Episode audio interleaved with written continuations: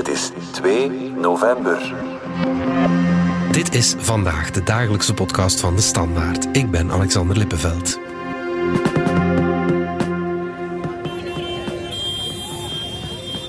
India, dat kennen we als het land van de yoga, van lekker eten, het kastensysteem en Mahatma Gandhi. Maar dat beeld moeten we misschien wel bijstellen, want het is vandaag het land met de grootste bevolking, een razendsnelle economische groei en een torenhoge technologische ambitie. Hoe is India een wereldmacht geworden en kan die ontwikkeling de ongelijkheid in het land wegwerken?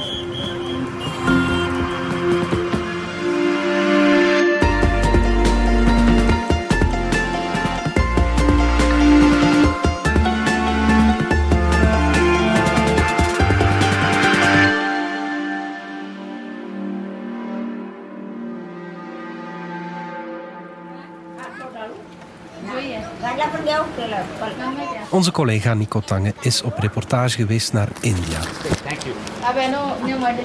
Want uh, dat land werpt zich steeds nadrukkelijker op als een grootmacht om rekening mee te houden. Hij vertelt de komende weken in tien artikels in de krant en op standaard.be waarom dat zo is. Lees het zeker, het is razend interessant. En hij vertelt er zo dadelijk natuurlijk ook over in deze podcast. Maar eerst gaan we even terug naar eind augustus.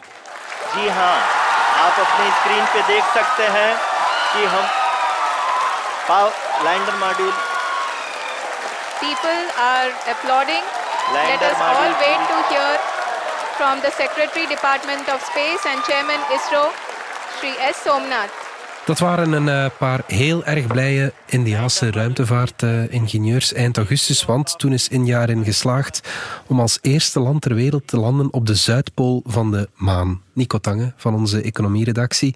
Hij komt uh, net terug uit India en het is wel een heel typerend fragment voor de staat waarin het uh, land zich bevindt. Ja, absoluut. Het was eigenlijk een soort eye-opener voor de rest van de wereld. India was lange tijd een land van het kastiesysteem, van uh, overbevolking enzovoort. Maar Bon, dat is het natuurlijk nog steeds, maar daar komt nu eigenlijk een soort ongebreide ambitie bij. Een ambitie om, om ook technologisch en industrieel bij de top van de wereld te horen. En ja, nu ze zijn geslaagd om te landen op de Zuidpool van de maan, hebben ze die ambitie toch wel kracht bijgezet, want ze waren uiteindelijk de eerste die daarin slaagden. Hè. Ja, ja, ja. Dat toont eigenlijk dat ze een factor zijn waar er in de toekomst rekening mee zal moeten gehouden worden. Ja, je bent uh, in India geweest onlangs. Je hebt ook uh, het ISRO bezocht als de Indiaanse NASA, zeg maar. Hè. Wat zeggen ze daarover hun maanlanding? Ja, daar zijn ze natuurlijk bijzonder trots. Hè. Het was ook niet makkelijk om daar binnen te raken. Ik denk dat wij een van de eerste westerse journalisten zijn die daar eh, zijn ontvangen. We hebben zes maanden op voorhand onze eerste aanvraag ingediend en uiteindelijk is... Uh, toen waren ze nog niet eens geland. Uh, toen waren ze nog niet eens geland, ja. Maar uh, toen was ik die rondreis in India aan het voorbereiden en dacht ik van oké, okay, zij investeren enorm veel in ruimtevaart, zijn daar ook redelijk performant in. -hmm. Ja, daar wil ik wel iets meer over weten. en ja, dan was het uiteindelijk wel een goed moment, denk ik, om, om eens te gaan bezoeken, om te vragen van hoe dat ze daarin geslaagd zijn. En vooral hoe dat ze daarin geslaagd zijn om dat op een zo ja, op een enorm goedkope manier te realiseren. Mm -hmm. Uiteindelijk heeft hij 13 dagen rondgereden, is, is uiteindelijk tot 100 meter van het landingspunt geraakt en heeft zo eigenlijk veel meer informatie kunnen doorsturen dan als, dat, als, als andere grootmachten daar ook in geslaagd waren, omdat ja. zij een heel andere benadering daarvoor ja, gebruikten. Nu goed, Nico, het is interessant, maar waarom Waarom vertellen we dit? Uh, zeg het eens. Ja, omdat het kadert in een veel bredere rondreis die ik heb gemaakt natuurlijk uh, in, in India. Ik ben daar uh, uiteindelijk twaalf dagen weg geweest. Ik heb 17.000 kilometer gereisd, waarvan 3.500 in India zelf. Mm. zes verschillende steden en plaatsen daar bezocht, met heel wat mensen gepraat. En de aanleiding om dat te doen was eigenlijk het feit dat we de voorbije maanden zagen dat India zowel geopolitiek als economisch allemaal belangrijker aan het worden is. Mm -hmm. uh, economisch uh, zie je dat heel veel westerse bedrijven erover aan het nadenken zijn om eigenlijk hun aanvoerketens te diversifiëren. Ze hebben schrik dat wat tot nu toe het geval was, namelijk de meeste van die bedrijven hadden goedkope fa fabrieken of fabrieken met goedkope arbeid in China staan. Mm -hmm. De vrees daar is, mocht er een conflict met Taiwan uitbreken, dat China gaat doen wat Rusland nu doet. Dat is eigenlijk die, die, die fabrieken confisceren, ervoor zorgen eh, dat er geen export meer kan gebeuren vanuit China naar die bedrijven. En dus uh, iedereen is eigenlijk een beetje op zoek naar een plan B of een plan C. Mhm. En wat we daarbij zien is dat India, uh, wat, wat, dat betreft, nu daar bovenaan de schuif ligt. Dat, dat heel veel grote bedrijven aan het kijken zijn, ja, moeten we eigenlijk geen extra fabrieken gaan bouwen in India, misschien een deel van onze fabrieken in China sluiten en de productie verhuizen van het autocratische China naar het tot op dit moment nog altijd democratische India. Ja, uh, En, en, een mooi voorbeeld daarvan, en ik denk uh, symbolisch wel uh, de, de belangrijkste verschuiving, is eigenlijk wat Apple heeft aangekondigd. Want Apple op dit moment produceerde tot voor kort, denk ik, 95% van zijn iPhones in China. Mhm. En ja, die hebben nu aangekondigd op verschillende plaatsen nieuwe fabrieken in India te gaan bouwen om op termijn, ik denk binnen een paar jaar, 25% van de iPhones in India te gaan produceren. Ook AirPods in India te gaan produceren. En dat is denk ik wel een eye-opener op, op businessvlak geweest voor, voor, voor veel mensen. En dat is eigenlijk de trigger geweest om daar naartoe te gaan. Ja. Kan je zeggen dat India een wereldmacht geworden is de afgelopen tijd? Laten we zeggen, eh, voor een deel wel natuurlijk. Dus als je kijkt naar technologie, naar ruimtevaart, naar industrie, dan kan je dat zeker stellen. Hè. Eh, mhm. We hebben het al eventjes over de ruimtevaart gehad. Maar ook technologisch natuurlijk is bijvoorbeeld India al, al zeker een paar decennia lang uh, staat het bekend als de back-office van de wereld. Uh, heel wat callcenters, heel wat westerse bedrijven doen daar aan outsourcing. Dus ze besteden een aantal IT-taken uit aan grote bedrijven in India. Dat is dan voornamelijk in de streek Bangalore, maar dat begint zich nu ook elders uit te breiden. als je kijkt ook geopolitiek is dat ook het geval. Ze staan veel meer op de kaart dan vroeger. Daar profiteert India vooral van de toenemende spanningen tussen enerzijds het Westen en de Verenigde Staten in eerste instantie en China. En zij proberen daar geopolitiek eigenlijk eh, van beide walletjes eh, te eten. Ze hm. zijn eigenlijk uh, Modi, de, de baas, grote baas van India, laat hm. ik het zo zeggen, ehm, de eerste minister. Ehm, ja, die is eigenlijk vriendjes met iedereen je zegt het, India is ja, vriend met iedereen. Niemand is er boos op. Hoe, hoe slaagt uh, Narendra Modi, de premier, daarin? Wel, het is een beetje een diplomatieke evenwichtskunstenaar. Hè. Dus hij, hij, hij, weet dat eigenlijk iedereen India nodig heeft. Ofwel economisch, ofwel militair, ofwel diplomatiek. En hij probeert zich een beetje te positioneren als eigenlijk de leider van de Global South. Dat zijn eigenlijk alle ontwikkelingslanden die je niet in het kamp van ofwel China uh, Rusland kunt steken, ofwel in het kamp van het Westen. Ja. En hij doet dat uh, ja, op politiek uh, zeer sluwe, slinkse manier en met veel succes. Op dit moment, hij kan op de koffie bij Poetin, hij kan op de koffie bij Biden. Hij heeft dat ook recent nog gedaan. Alleen bij Xi Jinping, ja, dat, daar zal hij niet snel op de koffie gaan, want daar, daar heb je toch wel een aantal grensconflicten van de voorbije jaren die ervoor zorgen dat er wel wat, wat spanning op zit. Dus, ja.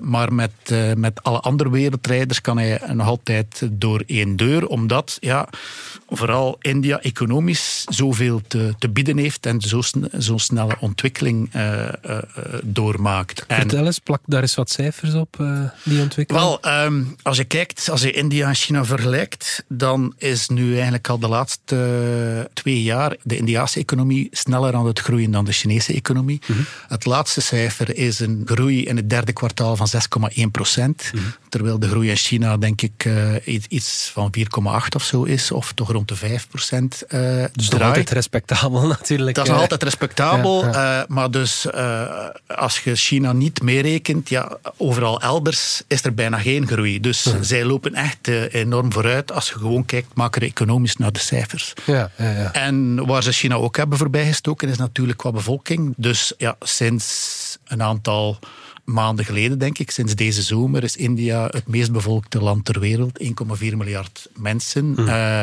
dat is uh, net iets meer dan China. En die kloof gaat alleen maar groeien, want wat je ziet in China is een vergrijzing uh, die op dit moment volop bezig is. de werkende bevolking krimpt enorm. Mm. En in India zie je net dat, dat er een hele grote uh, groei is bij de, bij de jongeren, bij de generatie Z.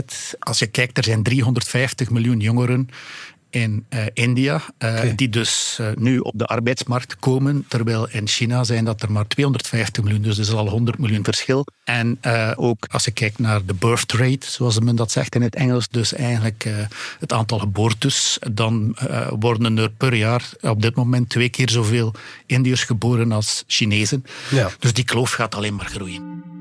Gigantisch potentieel, met andere woorden. Is dat wat India zo'n interessant land maakt om je als bedrijf te vestigen? Ja, deels wel. Hè. Wat je moet weten is, wat, er zijn verschillende dingen die, die aantrekkelijk zijn aan, uh, aan India. Uh, ik denk het, het, het eerste is inderdaad, je hebt daar een snel groeiende middenklasse. Heel veel van die jonge mensen komen op de arbeidsmarkt en beginnen te dromen van ja, waar iedereen van droomt uh, in die regio uh, op die leeftijd. Uh, eigen kleren, een scooter. Want mhm. in Azië kopen er weinig, zeker de arme bevolking, die kopen geen auto's, maar die kopen een scooter. Mm en een smartphone. Ja. Uh, voilà. Dus je krijgt daar een, een gigantische extra categorie consumenten, uh, waardoor dat heel veel bedrijven die daar actief zijn en die ik ook bezocht heb, uh, Bekaert onder andere mm -hmm. en IGW, um, ehm, dat zijn twee West-Vlaamse maakbedrijven. en wat je daar ziet is dat bijvoorbeeld Bekaert bijna uitsluitend voor de snelgroeiende Indiase markt produceert. Ah Omdat die markt alleen al is super interessant. Mm. Omdat, er als, ja, omdat er eigenlijk elk jaar een aantal tientallen miljoenen consumenten bijkomen. Eh, en die moeten bediend worden. En bijvoorbeeld Bekaart maakt daar staaldraad voor autobanden en bedient de helft van de markt. Wat wil zeggen dat de helft van de scooters, de helft van alle auto's, de helft van alle bussen en de helft van alle vrachtwagens in India, die rijden rond met staaldraad van Bekaart in hun banden. Dus ja. uh, alleen al die binnenlandse markt die is dus al ja, snel groeiend. Ja. En, en, je, moet, je moet weten, ja, uh, arbeid in India is goedkoop. Mm -hmm. Bij IGW, dus uh, een ander West-Vlaams bedrijf, uh, die maakt kinderen in India tand, grote tandwielen en andere metalen onderdelen voor tractoren, graafmachines en zelfs vliegtuigen van het Indiase leger. Oké. ja. ja, de mensen die daar werken, die verdienen per maand 350 euro mm. gemiddeld. Ja, ja. Dat dus is heel weinig. Ja. Dat is inderdaad heel weinig. Dus in die zin is dat, is dat zeer interessant om eens te gaan kijken. Dan moeten we daar geen fabriek gaan, uh, gaan, uh, gaan oprichten. Nu goed, er is natuurlijk een heel grote keerzijde, een schaduwzijde zelfs. Dat is die ongelijkheid en dat uh, kastensysteem, Nico. Ja, inderdaad. Wat dat je ziet eigenlijk, inderdaad, zo modern het, het land uh, aan de ene kant is, zo, zo, ja, zo ouderwets, hiërarchisch en patriarchisch is het land maatschappelijk.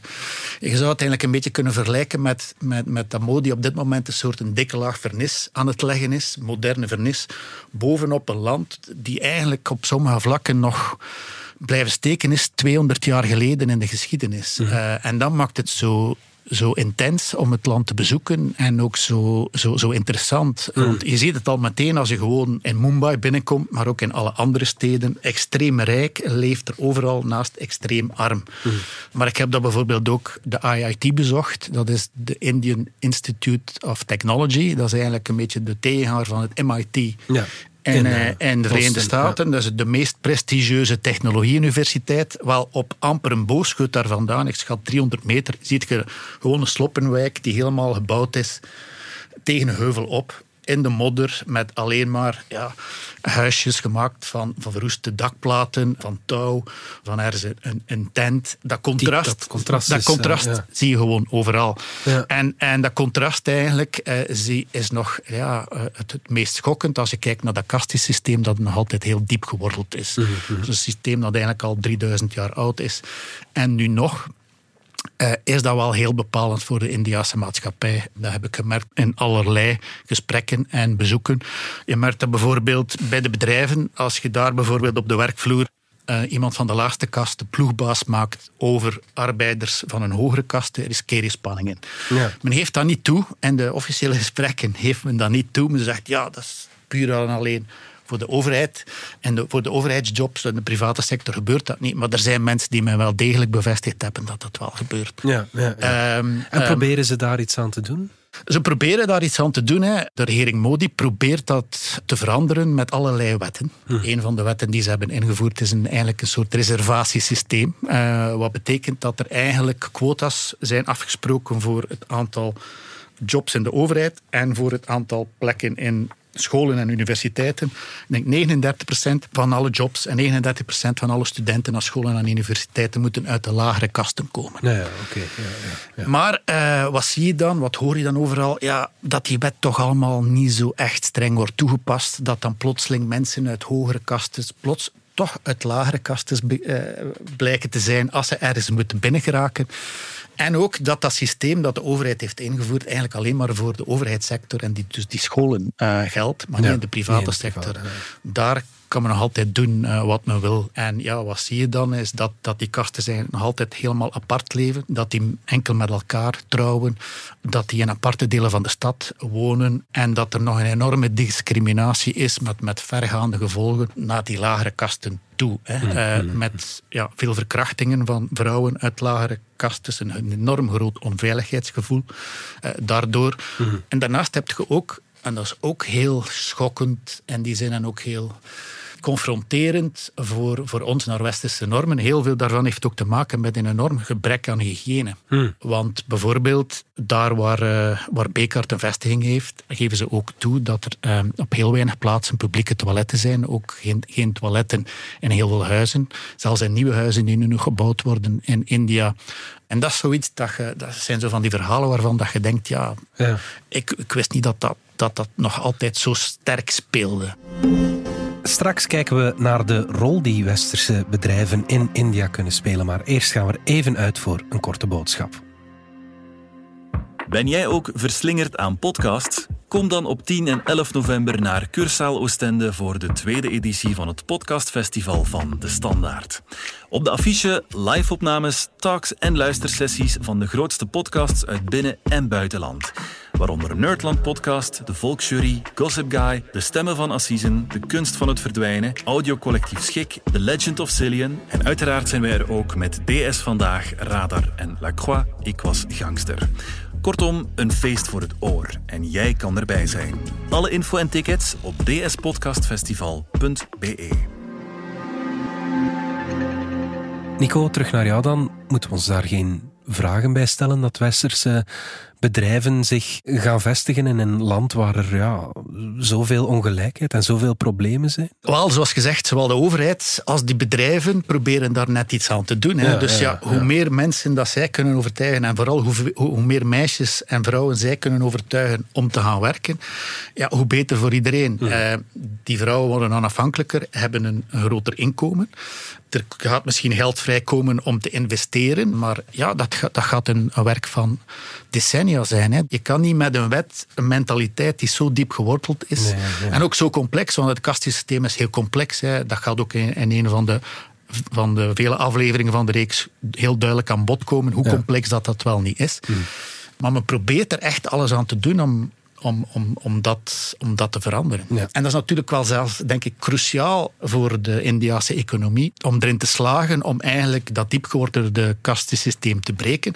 Omdat als ze dat wel mogen, ja, dan gaat je plotseling een enorme groep mensen ontsluiten die ook actief kunnen worden op de arbeidsmarkt. Want als je bijvoorbeeld kijkt naar de Indiase economie, het grootste deel van, van de Indiase economie, dat is nog altijd inkomsten uit de landbouw.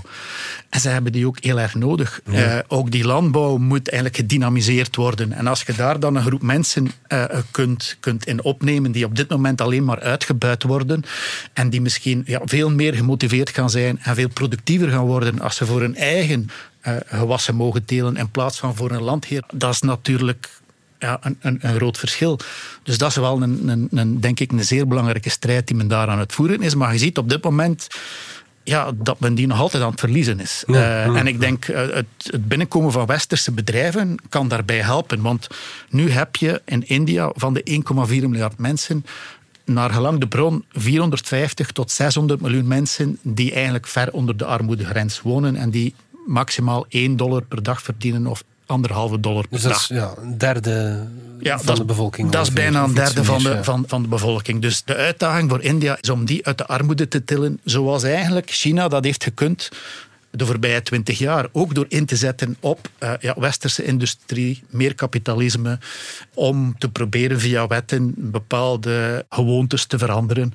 Dat is nu de uitdaging waar dat, uh, waar dat India voor staat, denk ik. En ja, eh, er is een heel interessante vergelijking die je daarbij kunt maken. En ik denk dat die voor een groot deel wel klopt. Namelijk van, ja, kijk, als je nu een ondernemer bent, dan kan je eigenlijk kiezen ofwel voor China ofwel voor India. Als je kiest voor China, dan kom je eigenlijk op een heel brede, strak geasfalteerde weg, waar je heel snel kunt rijden. Heel snel kan je vooruitgang maken. Maar op het einde van die weg staat vaak een muur waar je tegen crasht. Hmm. India is ook een heel brede weg, even breed als die van China, maar die zit vol met putten en allerlei obstakels. Wat betekent dat als ondernemer, ja, als je daar vooruit gaat maken, had je daardoor moeten leren slalommen. Mm. Ja, veel trager vooruit gaan. Maar op het einde staat er geen muur. Mm. En is er op dit moment nog een onbelemmerde horizon. Ja. Okay. En ik denk dat dat, dat, dat het fundamentele verschil is tussen de twee landen. Is het allemaal heel bureaucratisch of net niet? Toen dat ik het ruimtevaartcentrum binnen moest. Eh, zoals gezegd, ik heb zes maanden uh, daarvoor van alle soorten informaties en documenten moeten doorsturen. En je stuurt die door aan ene persoon en dan vraagt een ander nog een keer om hetzelfde door te sturen. en nog een keer om hetzelfde. En dat is ook wat iedereen daar vertelt. Twee, drie jaar geleden was het zo, als je iets zou opstarten in India, die bureaucratie, dat was ongelooflijk. Je had twee weken nodig om om overal naartoe te gaan, want die had stempel nodig van dat bureau, van die ambtenaar, enzovoort, enzovoort.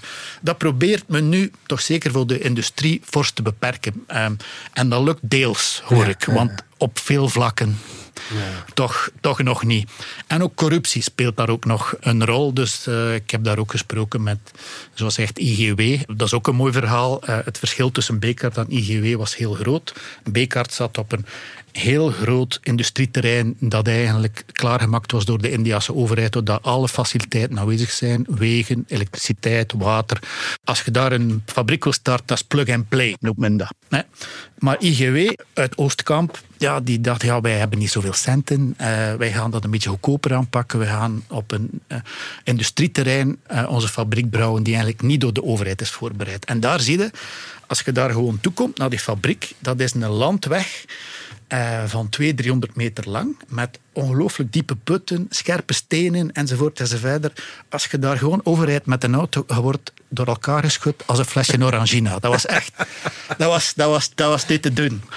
En ze proberen al, ik weet niet hoe lang, lokaal, zoals bij Delhi, toestemming te krijgen om gewoon die weg te asfalteren. En dat gaat niet. Ja, oké. En die gaf zelfs toe op een bepaald moment, ja kijk, zo werkt het. We moeten dat op, op onze manier aanpakken. Nu en dan zegt hij, moet ik iets toeschuiven aan de lokale politie om een keer een probleem op te lossen. Want ja, doen we dan niet, eh, dan geraken wij hier niet vooruit. En hij zei ook met een knipoog, ja kijk, dat is dan misschien niet zo gemakkelijk voor onze boekhoudster in Oostkamp, want dat is wel geen geld dat je in de boekhouding kunt zetten. Maar dat is wel de realiteit. Je bent nu tien dagen op pad geweest, eh, Nico, in India. Heb je het gevoel dat je het land nu een beetje kent? Je moet eigenlijk India beschouwen eigenlijk een beetje als de Europese Unie. Hmm. Je hebt daar een centrale regering, een beetje zoals de Europese Commissie, die kunnen wel dingen beslissen, maar de lokale nationale staten, en dat zijn er 22 officieel plus 6 ja, aparte gebieden, dus eigenlijk 28 in totaal, ja, die hebben eigenlijk ook heel veel lokaal te zeggen. Wat betekent dat de regels, de voeding, de cultuur van elke staat heel anders kan zijn. En ja, ik heb er zelf nu drie bezocht, drie staten ja, dat betekent dat ik ook nog maar een heel klein deeltje van India heb gezien natuurlijk. Mm. Dus, uh, Een beetje zoals de Chinezen op, op bezoek gaan in Europa, dat wil niet altijd zeggen. het is niet omdat je eh, Brugge gezien hebt dat je alles, Ja, dat je Hans Europa kent. maar ik heb allemaal heel veel mensen kunnen spreken en, en soms urenlang. En dat, dat was wel heel, heel interessant. Klinkt als een boeiende trip in tien afleveringen in de krant de komende weken. Hè. Nico Tang, dankjewel. Graag gedaan. Dit was vandaag de dagelijkse podcast van de Standaard. Bedankt voor het luisteren. Volg ons op Spotify, Apple Podcast of eender welk ander podcastplatform. Of download de vernieuwde app DS Podcast, waar je ons werk en de beste luistertips van onze redactie terugvindt. Alle credits van de podcast die je net hoorde vind je op standaard.be-podcast. Reageren kan via podcast.standaard.be.